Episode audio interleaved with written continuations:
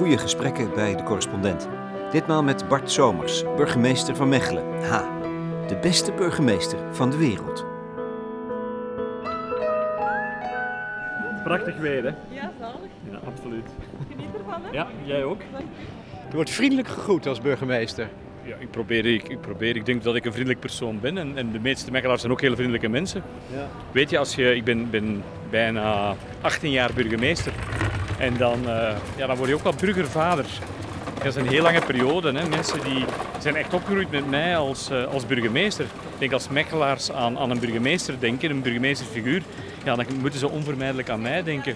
Ja, en omgekeerd vergroei je ook wel wat met die, met die, met die structuur eh, en met die functie. Je wordt, ja, je wordt een, een deel van het stadsmeubilair hè, op een of andere manier. We worden nu ingehaald door een, een, een peloton fietsers in fel gele hesjes. Ik, ik zie hier overal schoolklassen, kinderen. eh, de terrasjes zijn natuurlijk vol. Het is prachtig weer. Het maakt op mij een open, ja, weet je, een, een vrolijke stad. Ja, en dat is het ook geworden. Eh, dat was het vroeger niet. Het, het was vroeger een grimmige stad. Eh, als we zouden twintig jaar teruggaan in de tijd en, en je zou hier komen, dan zou je hier een hele grauwe stad zien.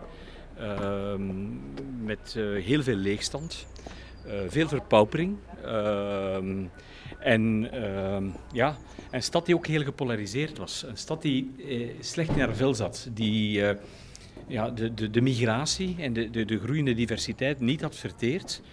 Men voelde een stad in, in, in, in verval. En, en ja, extreem rechts had hier 32 procent. dus er was werkelijk een, een polarisatie. Men verweet elkaar het, de neergang van de stad. En als je nu vandaag hier rondloopt, ja, kan je dat niet voorstellen. Vandaag zijn we echt een, een, referentiestad met een heel aangenaam en open klimaat. eh, waar het goed is om te vertoeven ehm, en, en waar eh, een, veel grotere openheid is ontstaan naar elkaar toe en ook een veel groter optimisme. De, de, de Vlaamse regering onderzoekt heel regelmatig eh, de verschillende steden in Vlaanderen, een soort benchmark. En daaruit blijkt bijvoorbeeld ja, dat wij in 2002, de eerste keer dat men dat deed, de stad waren waar de fierheid, de trots op, op het, het, het lokale burgerschap het kleinste was en vandaag het hoogste, samen met Brugge. En dat bijvoorbeeld het vertrouwen in de overheid ja, was het laagste, en veruit het laagste. En vandaag is het veruit het hoogste van alle, van alle eh, centrumsteden in Vlaanderen. Ja. En ook de openheid naar de diversiteit aan andere culturen is ook enorm, enorm gestegen, enorm toegenomen. Dat is een, een heel opvallende evolutie in onze stad en ook een heel hoopvolle. Hè. Mensen hebben dat in hun, in hun leven meegemaakt We zijn intussen een binnentuin ingelopen. Ook het seizoen helpt mee om de stad een verleidelijk aanzien te geven. Een zonnige dag in mei. We zijn gezitten op een betonnen rand bij een vijver. Er staan wat speeltoestellen, hier en daar burgers die de lunch gebruiken. Bart Somers werd twee jaar geleden verkozen tot de beste burgemeester van de wereld. Hij is open en gedreven. Na twee minuten lopen heb ik het al gezien. Hij wordt hier op handen gedragen. Twee jaar geleden heeft hij zijn visie beschreven in een boek, Samen leven, een hoopvolle strategie tegen IS. In de introductie beschrijft hij drie beelden die perfect aangeven wat voor man hij is, waar hij vandaan komt. Om te beginnen een open graf in Duitsland. Het is eind 1944. Ja. En eh, daar probeer ik te beschrijven dat. ehm, wat is er toen gebeurd? In, op, eh, op 3 oktober 1944 is eh, een oom van mij, die ik nooit gekend heb, een, jongen van 15 jaar, eh, in uniform eh, gestorven. Mijn, mijn familie heeft, eh, zat in de Tweede Wereldoorlog fout. In Vlaanderen was, laat ik maar zeggen, het Frans nationalisme in de greep geraakt van, ehm, van, de, van de collaboratie, ook van het nazisme, van het fascisme, van de nieuwe orde. Eh, en zij dachten dat, ehm, ja, dat Duitsland de bondgenoot zou zijn die Vlaanderen zijn, zijn onafhankelijkheid en misschien zelfs zijn integratie volgens sommigen in het Groot-Germaanse Rijk zou realiseren. Eh, mijn familie is eh, in de maalstroom van de jaren dertig eh, mee in die collaboratie en in dat, in dat ideeëngoed beland. Ehm, en die zijn op het einde van de oorlog bij de bevrijding, eh, zelfs een aantal tienduizenden geestesgenoten, eh, gevlucht hè, naar, naar, naar Duitsland, naar het nog niet eh, bevrijde deel. En ehm, mijn oom Jan is daar ingelijfd bij de, de, de volkssturm. Ehm, en die is gestorven daar in uniform. En, en dan probeer ik het beeld te beschrijven van mijn grootvader, die, die op dat moment ja, 45 jaar was. En die zich op dat moment ja, ongetwijfeld in, volle vertwijfeling moet hebben afgevraagd, wat heb ik gedaan? Ik, ik, uh, ik was onderwijzer, uh, ik was in de jaren twintig iemand die uh, sociaal bewogen was. zoals op dat moment de beweging waar het toe behoorde ook. Maar ik, ik heb mij in de jaren dertig laten meeslepen in een afschuwelijk verhaal. in het totalitaire denken. En ik heb daar nu een kind aan verloren. En, en de andere zoon die stond, was op dat moment ja, aan het vechten aan het Oostfront, ook in uniform. Uh, en daar had men geen nieuws van. En mijn vader, die een jongetje was op dat moment van, van, van acht jaar oud, ja, die stond mee aan dat graf. Uh, en die zag zijn broertje waar hij natuurlijk naar opkeek. Hè. Een broertje dat zeven jaar ouder was.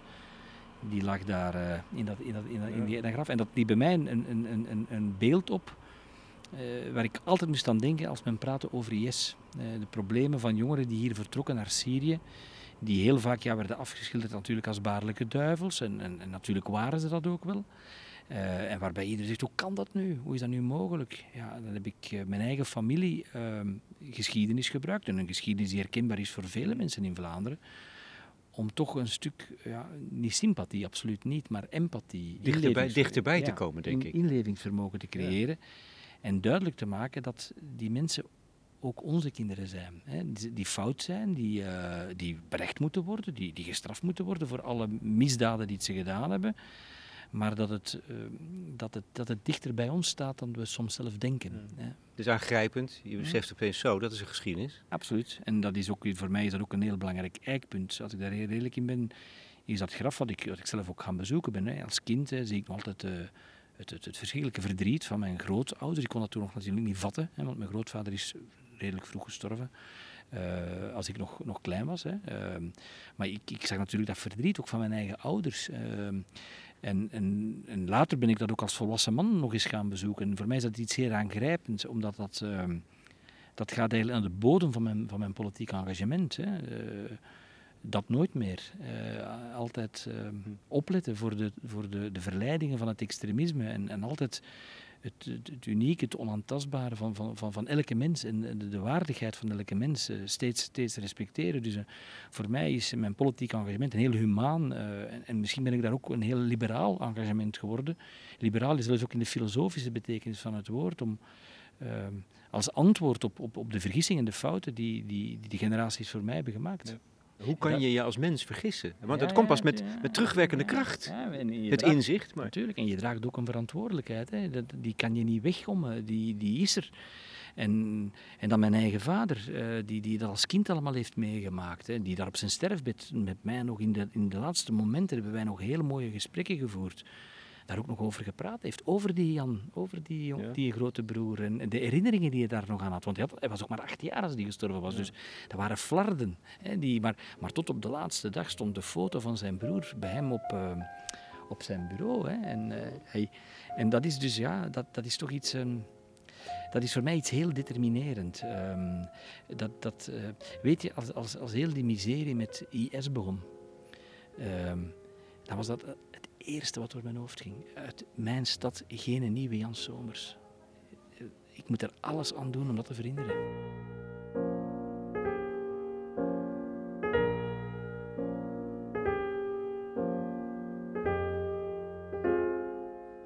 Dat is één beeld. Mm -hmm. Dan, november 1989, de val van de muur. U was erbij. U wilde erbij zijn. U heeft bij Checkpoint Charlie gestaan toen de muur viel. Ja, absoluut. Uh, ik was student. Ik zat op, op wat wij in Vlaanderen noemen op kot, op kamer, in Leuven. En uh, wij keken toen nog illegaal, want het, wij, wij, wij, wij, tapten de kabel af. ja, zoals elke Arme sloebers. Ja, zoals elke student dat toen deed. En, en wij zagen naar CNN, dat was een nieuw gegeven, nieuws around the clock. En we zagen dat er mensen op die muur kropen. Dat was voor ons zo fascinerend, want ja, dat was natuurlijk deel hè, van mijn generatie, was dat iets dat er altijd zou zijn. En die muur, ja, we zagen dat wel aankomen. Hè. De, de, de Oost-Duitsers die via Hongarije toen probeerden naar... naar maar dan, ja, we moesten daar naartoe. Wij zijn toen onmiddellijk in de wagen gestapt en wij zijn daar naartoe gereden. En dat is voor mij een van de meest uh, beklijvende momenten in mijn leven geweest. Uh, die, die, die ongelooflijke, uitzinnige vreugde, ook de ontroering, het, in mekaars armen vallen van, van mensen die elkaar niet kennen.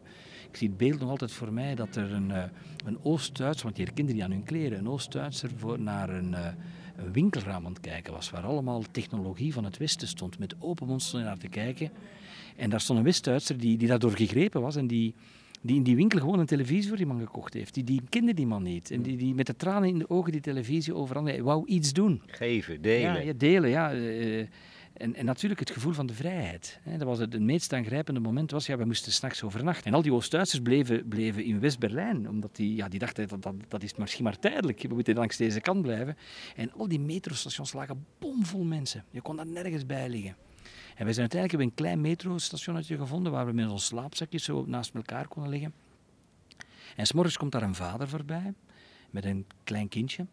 En dat dochtertje vraagt aan die vader, hè, Fatih, wat is dat? Hè? Wat, wat, is dat, vader? Waarom liggen die mensen hier? Hè? Wat, wat, gebeurt er hier? Armoede, dacht zij misschien wel. Of wat dan ook. Hè. Ze kenden dat niet. Hè. En die vader die, die antwoordde, dat is vrijheid. Dat is vrijheid. En dat was voor mij zoiets ook met die emotie natuurlijk en in dat bad mm. van, van, die, van, van, de, van, die, van dat gevoel uh, was iets spectaculair. Hè. Ook, en dan stond de Nederlandse regering, had daar een vrachtwagen van, met, vol met tulpenbloemen, met meisjes in traditionele Nederlandse klederdracht gezet, om iedereen zo'n bloem te geven. En al die, heel gek, al die Joost moesten daarvan wenen. Dat was, was zo'n ontroerend moment. En ja, dat was het idee, dat, dat was de end of history. Hè. Uh, zelfs dat in, een, in het boek van, van Fukuyama ooit beschreven is. Hè, van, uh, ja, vanaf nu leven wij, omarmen wij allemaal ja, de democratie, uh, de vrije markt, uh, sociaal gecorrigeerd, de mensenrechten. en eigenlijk is de wereld gaat nu één worden. En de grote ideologische tegenstellingen die zijn weg. Dat is twee. Twaalf jaar later wordt Bart Somers, dit politieke dier, met deze twee fundamentele ervaringen, burgemeester van Mechelen. Die vindt daar een rotstad. Uh, onveilig, vies, gesegregeerd. Wat is er dan dus misgegaan in die twaalf jaar? Dat, dat, je dat, dat je die stad op die manier kon aantreffen? Ja, die... ik denk dat we niet klaar waren als samenleving om, om ehm, om de sprong te maken van een multiculturele naar een diverse samenleving. Uh, en, en, dat we heel vaak uh, ja, met, met, met, met foute concepten daarnaar gekeken hebben. We hebben in het begin gevraagd dat die mensen, we hadden, eerst dachten we dat die hier maar tijdelijk gingen zijn. Uh, dus wij deden daar niks voor. Er waren mannen die hier kwamen werken op basis van een contract, hè, vooral in Mechelen uit Marokko. Uh, ja, op zeker moment brachten die dan toch maar hun vrouw en kinderen mee. We hadden geen voorzieningen daarvoor. We, we, hadden geen instrumenten om die mensen, laat ik zeggen, een volwaardige plaats te geven in de samenleving. Sloeg de crisis toe van 70, overal hetzelfde verhaal. Veel van die mensen die hier kwamen werken werden werkloos, werden dan ineens gezien als parasieten van het sociale systeem. Uh, tweede generatie viel tussen wal en schip. Uh, uh, onze stad hier in Mechelen, ja, die, die verloederde. Uh, middenklasse liep weg. Uh, in plaats werd ingenomen door nog meer migratie en kansarmoede. Het antwoord was vaak ja, in kwantiteit meer sociale voorzieningen, waardoor ook de kwaliteit meer kon worden gegarandeerd. Maar, maar zo herkenbaar denk ik voor heel veel West-Europese steden. ik denk in Nederland, Duitsland, België, Frankrijk hetzelfde verhaal. En variaties op hetzelfde verhaal, hè, want elke stad is natuurlijk anders en uniek. En hier ja, ook de middelmaat van de politieke klassen op een zeker moment, die, die, die echt geen, geen, geen helder antwoord vond. Sommige socialisten die zelfs begonnen te flirten met de, met de demagogie van extreem rechts in de hoop de kiezers bij hun te houden, maar ondertussen de weg plaveiden om de stap te maken naar extreem rechts. En ja, op een zeker moment was de, was de wanhoop groot, eh, de politieke wanhoop. En, en, en, en ja, hebben wij een lijst gemaakt. Hè. Ik zat in de oppositie, ik was in 94 gemeenteraadslid, maar speelde daar een, een, een minder grote rol. Maar hebben we gezegd, oké, wij zijn een alternatief, we willen daaruit, uit dat al. En men heeft eigenlijk de partijen die hier al heel lang de stad bestuurden afgestraft. Dat waren de Christen-Democraten en vooral de Socialisten. En er waren twee alternatieven, ofwel het extreemrechtse alternatief, ofwel, ja, ik zeggen, een democratisch alternatief. Dat beloofde ook de onveiligheid aan te pakken, want de stad was een hele hoge criminaliteitsgraad. En tegelijkertijd probeerde die stad terug op de kaart te zetten. En, en ja, dat is een avontuur dat begonnen is in 2001 en dat, dat nog altijd verder duurt.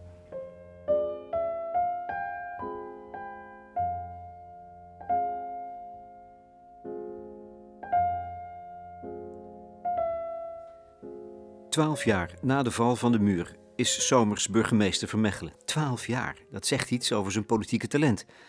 Weer 17 jaar later is Mechelen onder zijn leiding volledig getransformeerd tot een van de meest bloeiende steden van België. Wat heeft hij gedaan? Wat is de kern van zijn aanpak? Ik denk uh, de kern is uh, u niet laten opsluiten in ideologische vooroordelen.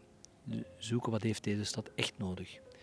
En ik heb heel vaak gebotst op, uh, op weerstanden, op, op kritiek. Er waren eigenlijk twee poten waarop we hebben gewerkt. Hè.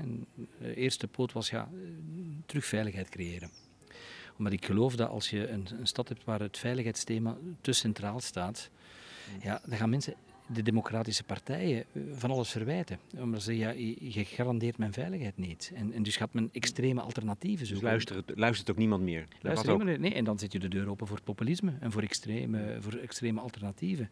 En ten tweede beginnen mensen elkaar van alles te verwijten. Want waarom is het onveilig? Ja, dat is natuurlijk altijd de schuld van de andere. En de andere is dan de migrant, is degene die eh, een allochtone afkomst heeft.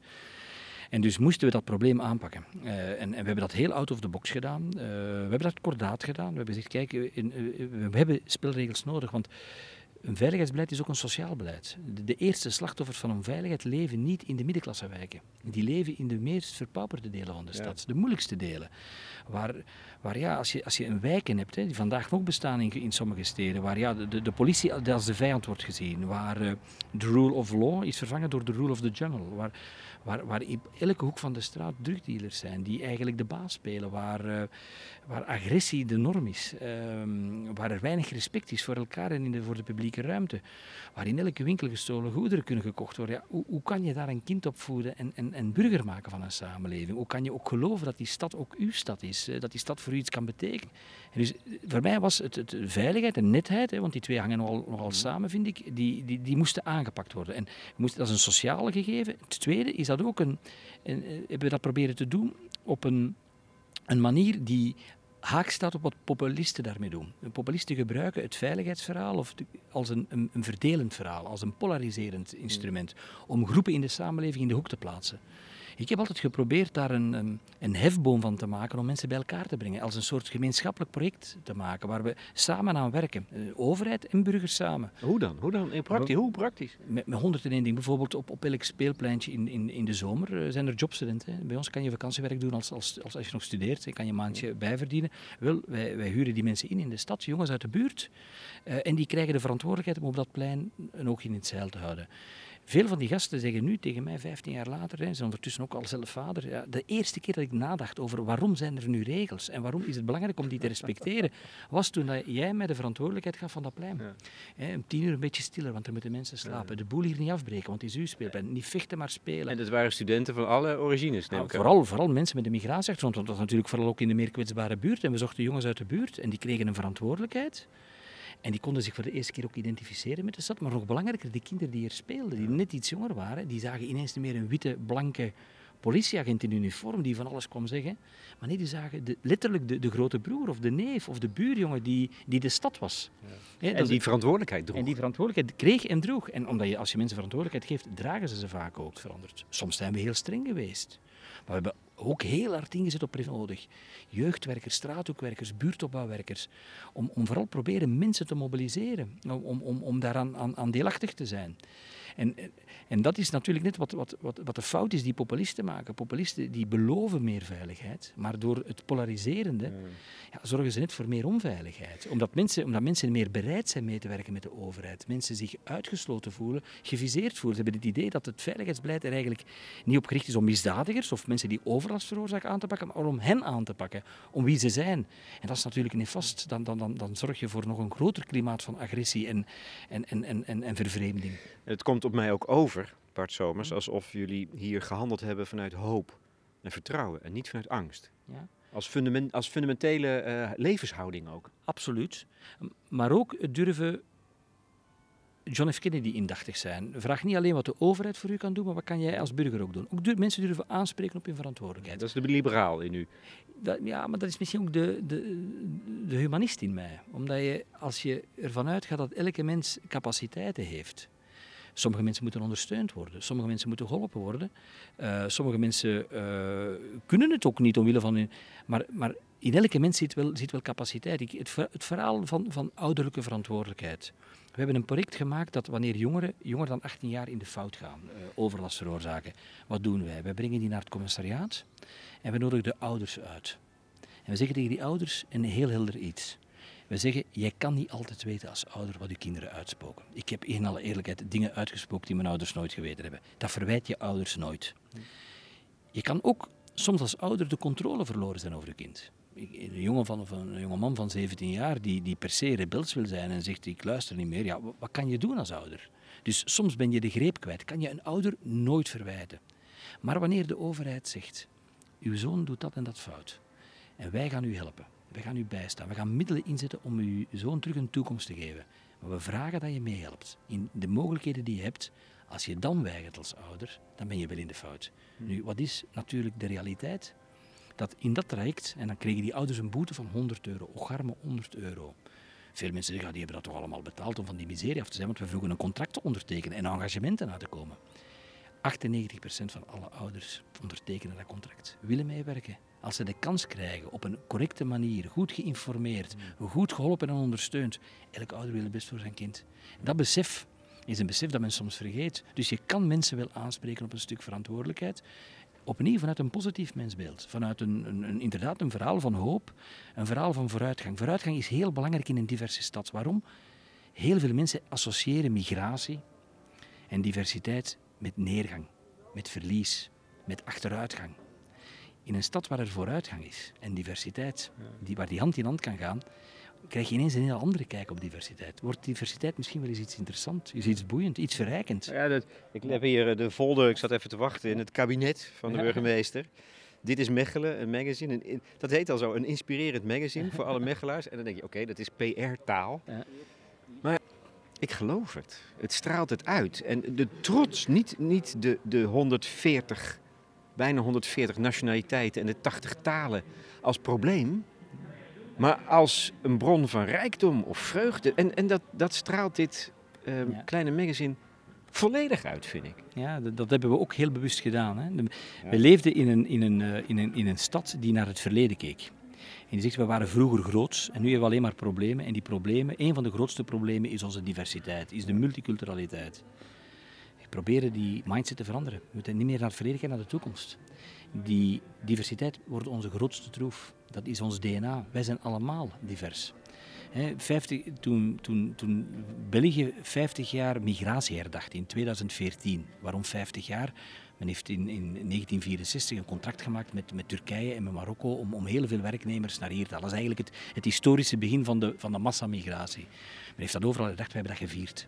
We hebben 128 zwart-wit foto's gehangen op de Grote Markt tegen het, een historisch gebouw, hele grote posters van 128 Mechelaars, elk met een andere nationale achtergrond. en zeggen, dat zijn wij. En daar zijn wij trots op. En dat omarmen we.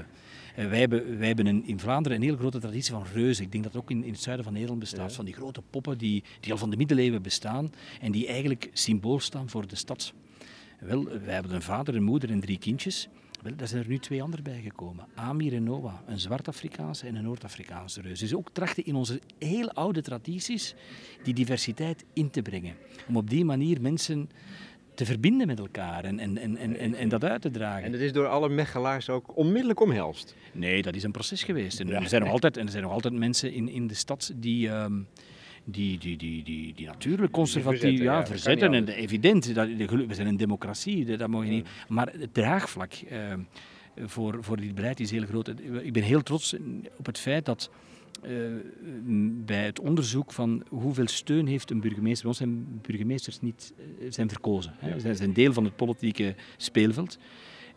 Er is, uh, mij, ik heb als burgemeester het meeste steun van alle burgemeesters van alle steden. En dat met een uitgesproken, inclusieve, open kijk. Dus in tijden van polarisatie kan je, als je als burgemeester consequent bent en, en probeert heel duidelijk te zijn, kan je heel veel steun uh, verdienen. En die steun zou ik niet hebben mocht de stad nog vuil zijn, moest de stad onveilig zijn, ja. moest de stad geen dynamisme uitstralen, geen, geen openheid uitstralen, moesten we niet overal park. Dat hangt er allemaal mee samen Je natuurlijk. moet leveren, je moet resultaten boeken, anders met een, met een mooi verhaal alleen nee. mede niet. Nee, maar, maar tegelijk het mooie is, als je in die dynamiek geraakt, dan komen ineens onvoorstelbaar veel mooie rolmodellen op de hoek kijken. Mensen die, die elke dag opnieuw uh, aantonen dat samenleven in diversiteit wel kan lukken. Uh, uh, vaak, hè, een van de dingen dat, we, dat wij ook, de val die we vermeden hebben, is bijvoorbeeld het groepsdenken. dat is een, een, een, een, een probleem, vind ik, van, van, dat is de oude linkse en de oude rechtse oplossing. Dat is vaak dat we mensen reduceren tot één identiteit en dan daar een aantal karakteristieken op kleven, dat beginnen normatief in te vullen. Hè, de goede Marokkaan, de goede Nederlander, de goede Belg, de goede moslim. We doen het allemaal. Heel sterk, want het probleem van die linkse en die rechtse politici, de ene pamperen en de andere stigmatiseren, dat is dat ze de rolmodellen niet willen zien omdat die niet passen in hun plaatje. Want voor links moet je gediscrimineerd zijn en voor rechts moet je mislukt zijn. Terwijl dat er in een stad als Mechelen honderden mensen zijn die weliswaar een migratieachtergrond hebben, maar op een schitterende manier van hun leven iets gemaakt hebben. Als, als onderwijzer, als, als politieman, als, als ondernemer, uh, als huisvrouw, als student. Uh, die ongelooflijke dingen doen, die, die mij elke keer opnieuw ontroeren. Uh, ik, ik heb onlangs nog een, een, een man ontvangen die, die woonde in de straat waar mijn vader is opgegroeid. En mijn vader die heeft, is eerst voor onderwijzer gestudeerd. Die heeft dan, die heeft dan een, een ja, dat is... Ehm, iemand neemt een duik in de vijver. Ik, ik geloof dat het per ongeluk is. Het is koud namelijk. Ja, dat, is, eh, dat, is, onvermijdelijk. dat is deel van de, van de stad. Er zitten hier een aantal studenten volgens mij een hap- boterhammetje te eten. En één meisje is nu te water gegaan. Oké. die, die redt het wel. Ja, mijn eh, vader. Ja, ja. Dus ja, dus mijn, mijn, vader die heeft nooit de kans gehad om naar de universiteit te gaan. Ze hadden thuis de financiële middelen niet. En die had er altijd van gedroomd en die vond dat een van de dingen waar hij niet in gelukt was. Wel, in diezelfde straat groeit een jongen op, Marokkaanse roots, alleenstaande moeder, twee broers. En die komt op een zeker moment naar onze sociale dienst. En die vraagt, kan ik alsjeblieft nog één keer 300 euro lenen? En wij, wij vragen 300 euro en dat komt mij aan de oren. Waarom? Hij zegt, ik heb een diploma gehaald aan de universiteit en ik kan beginnen bij Coopers en Lybrand. Ik ben economist, maar ik kan maar beginnen als ik een kostuum kan kopen. En wij hebben thuis de middelen niet. En ik heb die man uitgenodigd bij mij, want ik was daardoor ontroerd. En ik heb aan die jongen gevraagd, hoe komt dat, dat jij geslaagd bent? Want dat zijn verhalen die mij, die mij enorm fascineren. En dan komt het verhaal van, van de moeder, die hem altijd gesteund heeft, die altijd naar de oudercontactdagen gegaan is, in school gevraagd heeft, wat kan ik doen, die altijd hem heeft gemotiveerd. Een stuk wat, wat waarschijnlijk rechtse politici zullen zeggen. Namelijk, ja, ouderlijke verantwoordelijkheid. Het gezin moet meehelpen. Juist. Maar vertel ook een tweede deel van het verhaal. En dat is juist het feit dat we ideologisch niet in hokjes passen. Hij zegt, ik, ik, ik was een goede leerling, maar niemand heeft mij ooit gepraat over universiteit. Want ik was Marokkaans. Al mijn leraars gingen ervan uit dat ik na het middelbare, na het secundair onderwijs, zou moeten gaan werken. En in mijn familie was er niemand die ooit aan de universiteit is geweest. Ik kon me niet inbeelden wat dat was. En ik zat op een zeker moment bij McDonald's te werken als jobstudent. En naast mij staat een andere Marokkaanse jongen. En die zat aan de universiteit. En die is met mij beginnen te praten. En die heeft mij naar de universiteit gebracht, heeft mij dat getoond. En het is dankzij die jongen in de McDonald's dat ik een diploma heb gehaald. Anders had ik nooit een diploma gehad. Dus dat is dan de linkse kant van het verhaal. Dat wij veel te veel nog de, gevangen zitten in vooroordelen. Dat ons sociaal systeem onvoldoende goed werkt. Dat we zoveel talent verspillen.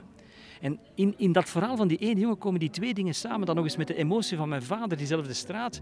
Maar dat zijn verhalen die, die een stad moet koesteren. Daar kan iedereen zich aan optrekken. Dat doorbreekt de vooroordelen, laat ik zeggen, van de, de bange witte man. Maar tegelijkertijd geeft dat ook hoop aan de allochtone jongeren in een stad. Dat, dat het kan, dat er mogelijkheden zijn. En het zijn die verhalen die een samenleving sterker maken.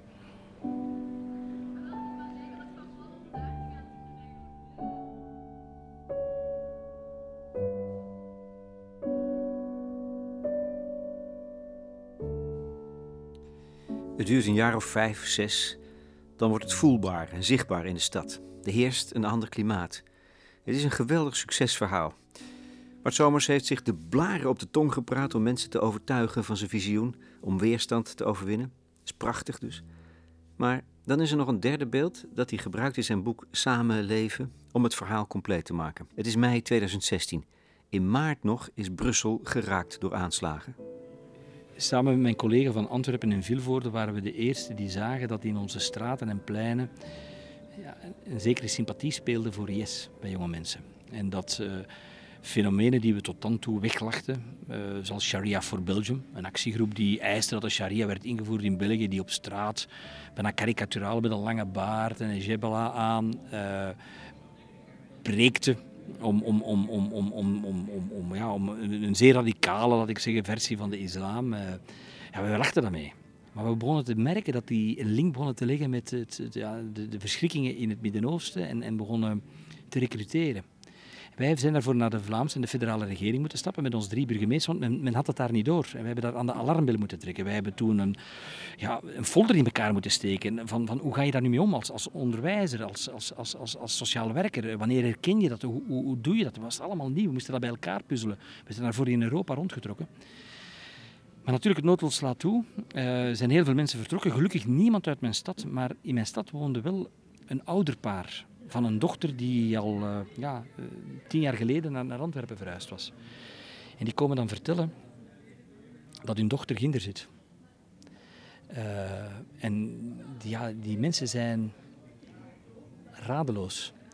Want die horen dan af en toe iets van hun dochter. En dan krijgen die veertien dagen of drie weken later het bericht dat hij gesneuveld is. En dan belt hij een week later terug. En die ouders die, die, die zijn dan zelf naar de politie gegaan. Die hebben dat zelf gaan aanmelden. Ja, dat is een radeloosheid ja, die, die ik... Um... Ze hebben hun, hun dochter aangegeven bij de ja, politie als... als... Als, als... sympathisant voor, voor ja. IS, hè, want zij was dan getrouwd met de, de man die verantwoordelijk was voor de religieuze politie in Raqqa. Maar het is uw kind. Het is uw dochter. Um, hm.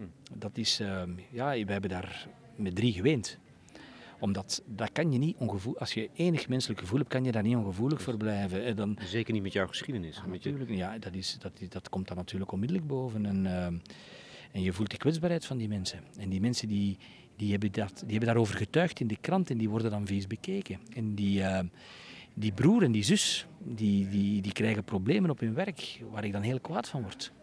Want die mensen hebben een ongelooflijke moed. Uh, en ook vanuit een menselijk perspectief doen die het onmogelijke. Het ondenkbare.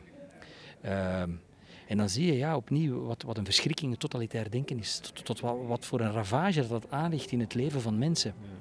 Uh, en voor mij was, ja, is, dat, is dat iets wat ik, wat ik echt met, met alle mogelijke middelen heb proberen te voorkomen. Ehm, maar heb je dan, je zegt net, dat is toch, toch een, een, een saillant gegeven, uit Mechelen zijn geen jongeren naar is afgereisd. Ja, dat... Maar reken je dat dan toch ook echt tot, tot de verdiensten van het beleid dat, dat jullie hier gevoerd hebben? Daar zal, kijk, als, als je weet dat er vanuit Antwerpen 200 mensen vertrokken zijn, en, uh, 100 mensen vertrokken zijn. Antwerpen ligt hier maar 25 kilometer vandaan. Vanuit Brussel uh, 200 ligt ook maar 25 kilometer van hier. Vanuit, vanuit Vilvoorde 5 kilometer van Mechelen, 27. En als je dan weet dat wij de tweede grootste Marokkaanse gemeenschap hebben, dat de Marokkaanse gemeenschap de meest kwetsbare is voor recrutering.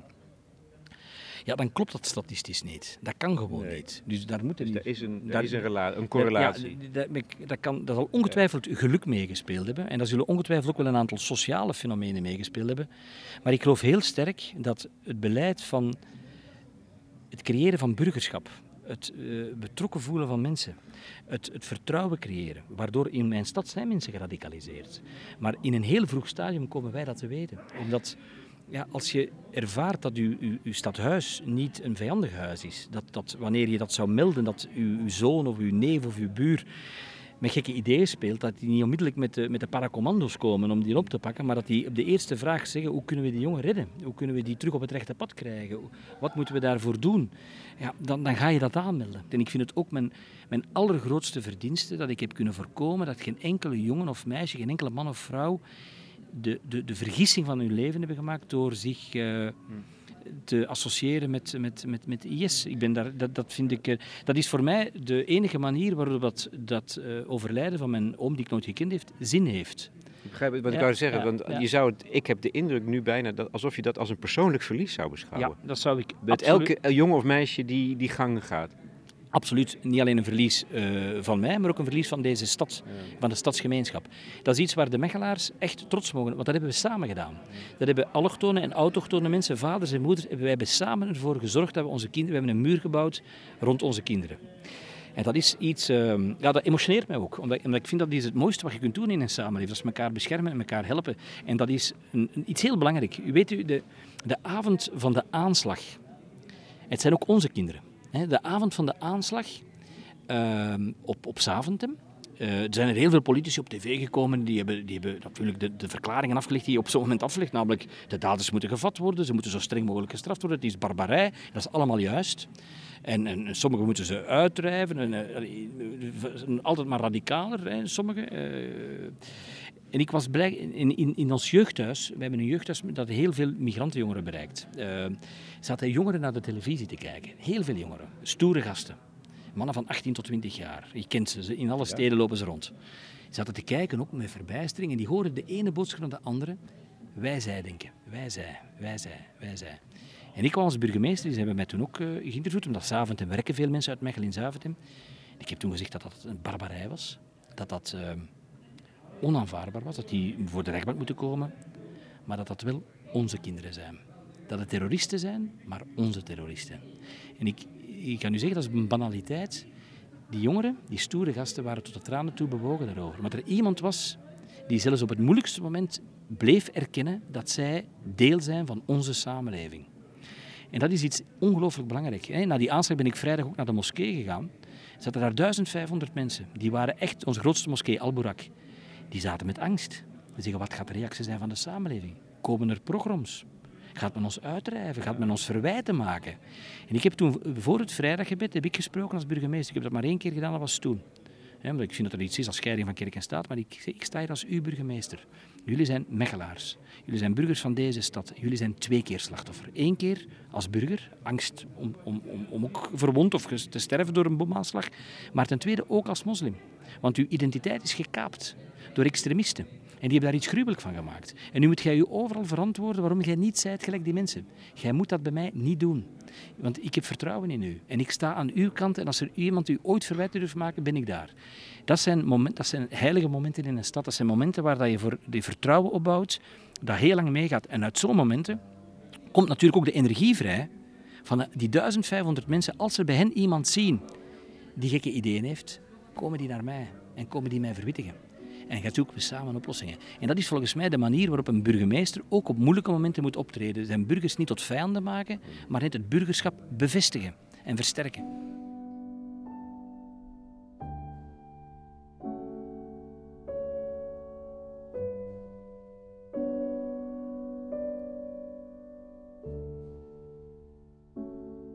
Een van de, de meest opmerkelijke visies op radicalisering uh, waar ik uh, kennis van heb genomen is van Stijn Siekelink. Mm Dat boek heet Re-radicalisering. Mm Hij is pedagoog en ja. pleit ervoor om de, de, de, de radicale potentie van die jongeren niet af te wijzen, maar ze als potentie te zien. Alleen in een andere richting te duwen. Mm Dat vond ik zo sterk, uh, uh, want het hoort tot de jeugd om radicaal te zijn. En um, het, het, nou ja, goed. Ik vroeg me af of jullie daar op die manier ook in de stad op die manier ook naar zijn gaan kijken. Ja.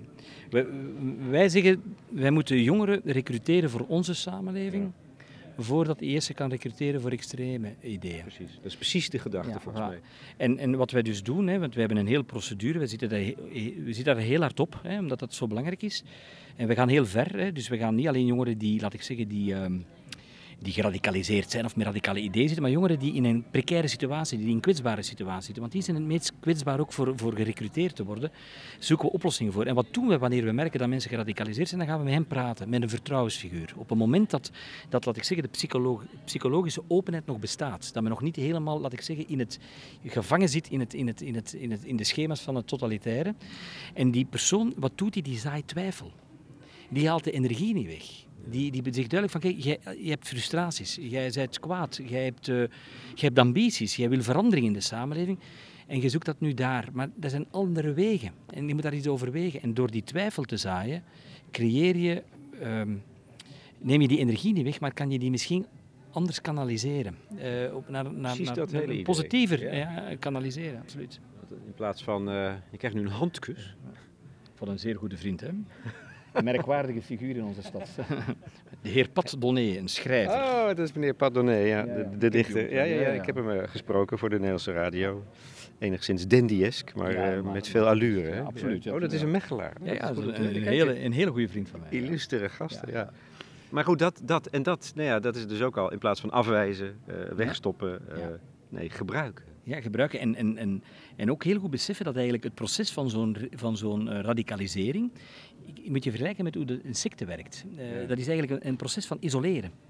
Uh, men, men, probeert je te overtuigen dat je slechte vrienden hebt. En dan laat je die vrienden vallen. En dan zijn de, de moslims waarmee je omgaat ook geen goede moslims meer. En uiteindelijk zijn ook je ouders slecht. En als je helemaal geïsoleerd bent, dan kan men met u doen wat men wil. Dan ben je een beetje de muis van de kat. En dus wat wij proberen te doen, is dat isolement te doorbreken. En, en, en alternatieven aan te reiken. Ook vanuit de filosofie, dat preventief, preventief werken natuurlijk veel efficiënter is dan, dan proberen te deradicaliseren. Want dat is iets waar ik twijfels over heb. Ik, ik heb twijfel dat iemand die echt helemaal de gevangene is van een totalitair denken, vraagt heel veel energie, heel veel geld, heel veel tijd. Succes is niet gegarandeerd om mensen te deradicaliseren. Beetje eigenlijk een drug, drugverslaving. Eens dat je in die zwart-wit wereld zit, die simpel is, eenvoudig is, heb je de neiging om terug in te vervallen op een of andere manier. Dus we moeten voorkomen dat mensen zo ver geraken, maar we mogen de energie niet kwijtraken. Ik ben ook radicaal geweest als ik jong was. Ik ben nu nog, nog radicaal op, op sommige punten. Hoop ik, eh, want de dag dat je dat niet bent, moet je stoppen met maatschappelijk engageren. Je moet nog altijd verontwaardigd zijn, je moet nog altijd beter willen, je moet altijd kwaad kunnen zijn over dingen. Maar je moet die kwaadheid en die, die, die, ook die positieve energie op een andere manier inzetten dan, dan, ja, dan, dan extreme, uh, gewelddadige ideologieën te omarmen en, en, en daarin te geloven. Wie was het ook alweer, de Amerikaanse president? Die zei dat uh, de grootste angst is uh, de angst zelf. Fear, yeah. The only fear we have to fear is fear itself. Uh, dat is volgens mij wat jullie in praktijk brengen hier. Ja, niet, niet vanuit angst dan. En dat sinds 9-11 ja. is de hele wereld in de greep van de angst gekomen. En dat vind ik het knapste. Ja. Hè? Dat jullie dat niet. Dat, daar verzet je je uiteindelijk tegen. Ja, dat is een stukje contra-intuïtief handelen ook. Hè. Ja. Um, dat is heel vaak, uh, je ziet dat ook bij conflicten. Hè. Bij conflicten hebben we de neiging om... Um, om, om, om in egelstellingen te kruipen. Terwijl we allemaal uit ons persoonlijk leven weten dat in onze relatie, als we zo'n conflict hebben, dat kan dagen duren, tot een van de twee zegt, eh, het, het wonderbaarlijke zinnetje zegt, eh, schat, ik heb er nog eens over nagedacht, maar ik denk dat ik toen wat fout was. En dan is vaak het antwoord, het eerste antwoord is, dat is waar, maar het antwoord dat dan vaak binnen de minuut volgt is, ja, ik was ook wel wat fout. en en dat, is, en dat is hoe dat je naar de samenleving ook moet kijken. Dat is, uh, je moet openingen maken. En openingen zorgen er altijd voor dat we dichter bij elkaar komen. Ik begin zo langzamerhand, Bart Somers, te begrijpen waarom je Abu Taleb hebt verslagen bij de race om de titel de beste burgemeester ter wereld. Ja. Nee, heel, veel, heel veel respect voor Abu Taleb. En, en wat het mooie is, dat is dat soms politici zeggen in Vlaanderen politici vaak van de rechterzijde, die koketteren, die, die, die, die, die, die spelen met Abu Talib. En zeggen, kijk, dat is nu eens iemand met migratieroutes die durft zeggen waar het op staat. En waarom doen jullie dat niet? Het grote verschil tussen Abu Talib en ik is dat Abu Talib heeft een allochtone achtergrond en ik een autochtone achtergrond. Mijn positie in de samenleving is een andere sociologisch dan Abu Talib. En waarom is Abu Talib moedig? Omdat hij durft spreken tegen zijn eigen natuurlijke en sociologische achterban. Dus als ik de Abu Talib van Mechelen moet zijn, dan moet ik tegen de Vlamingen praten. En moet ik tegen de Vlamingen zeggen, wat gaan jullie doen om het samenleven tot een succes te maken? Hoe gaan jullie jullie aanpassen aan die nieuwe realiteit? Hoe gaan jullie jullie integreren in de diversiteit die vandaag de dag een nieuwe realiteit is? Daar heb jij ook moed voor nodig, denk ik, of niet? Daar heb je moed voor nodig. Maar als je dat kan doen, maar dat, dat is de plicht die we hebben. Ik vind politici die niet moedig zijn, moeten niet in de politiek. Die moeten eruit. We moeten af en toe tegen de stroom durven oproeien. Op een geloofwaardige manier, op een consistente manier. Maar uh, we moeten weg van het idee dat we een eerste geboorterecht hebben. Het idee dat, dat, dat de stad, omdat ik hier al veertien generaties woon, toch wat meer van mij is dan van Mohammed, die hier nog maar één generatie woont. Dat zijn concepten die we moeten verlaten, want die helpen ons geen millimeter vooruit. Die zijn trouwens op niets gebaseerd, zijn ongegrond en doen geen recht aan, aan, aan al die mensen die hier vandaag de dag deel zijn van onze samenleving. Er lopen hier voortdurend in deze kleine binnentuin in Mechelen ommuurd, als een oude locus ameunus, mensen langs. En ze kijken allemaal een beetje verliefd naar u. dat is overdreven. Dat, je, dat is de zon, denk ik. Die begint in te werken op u.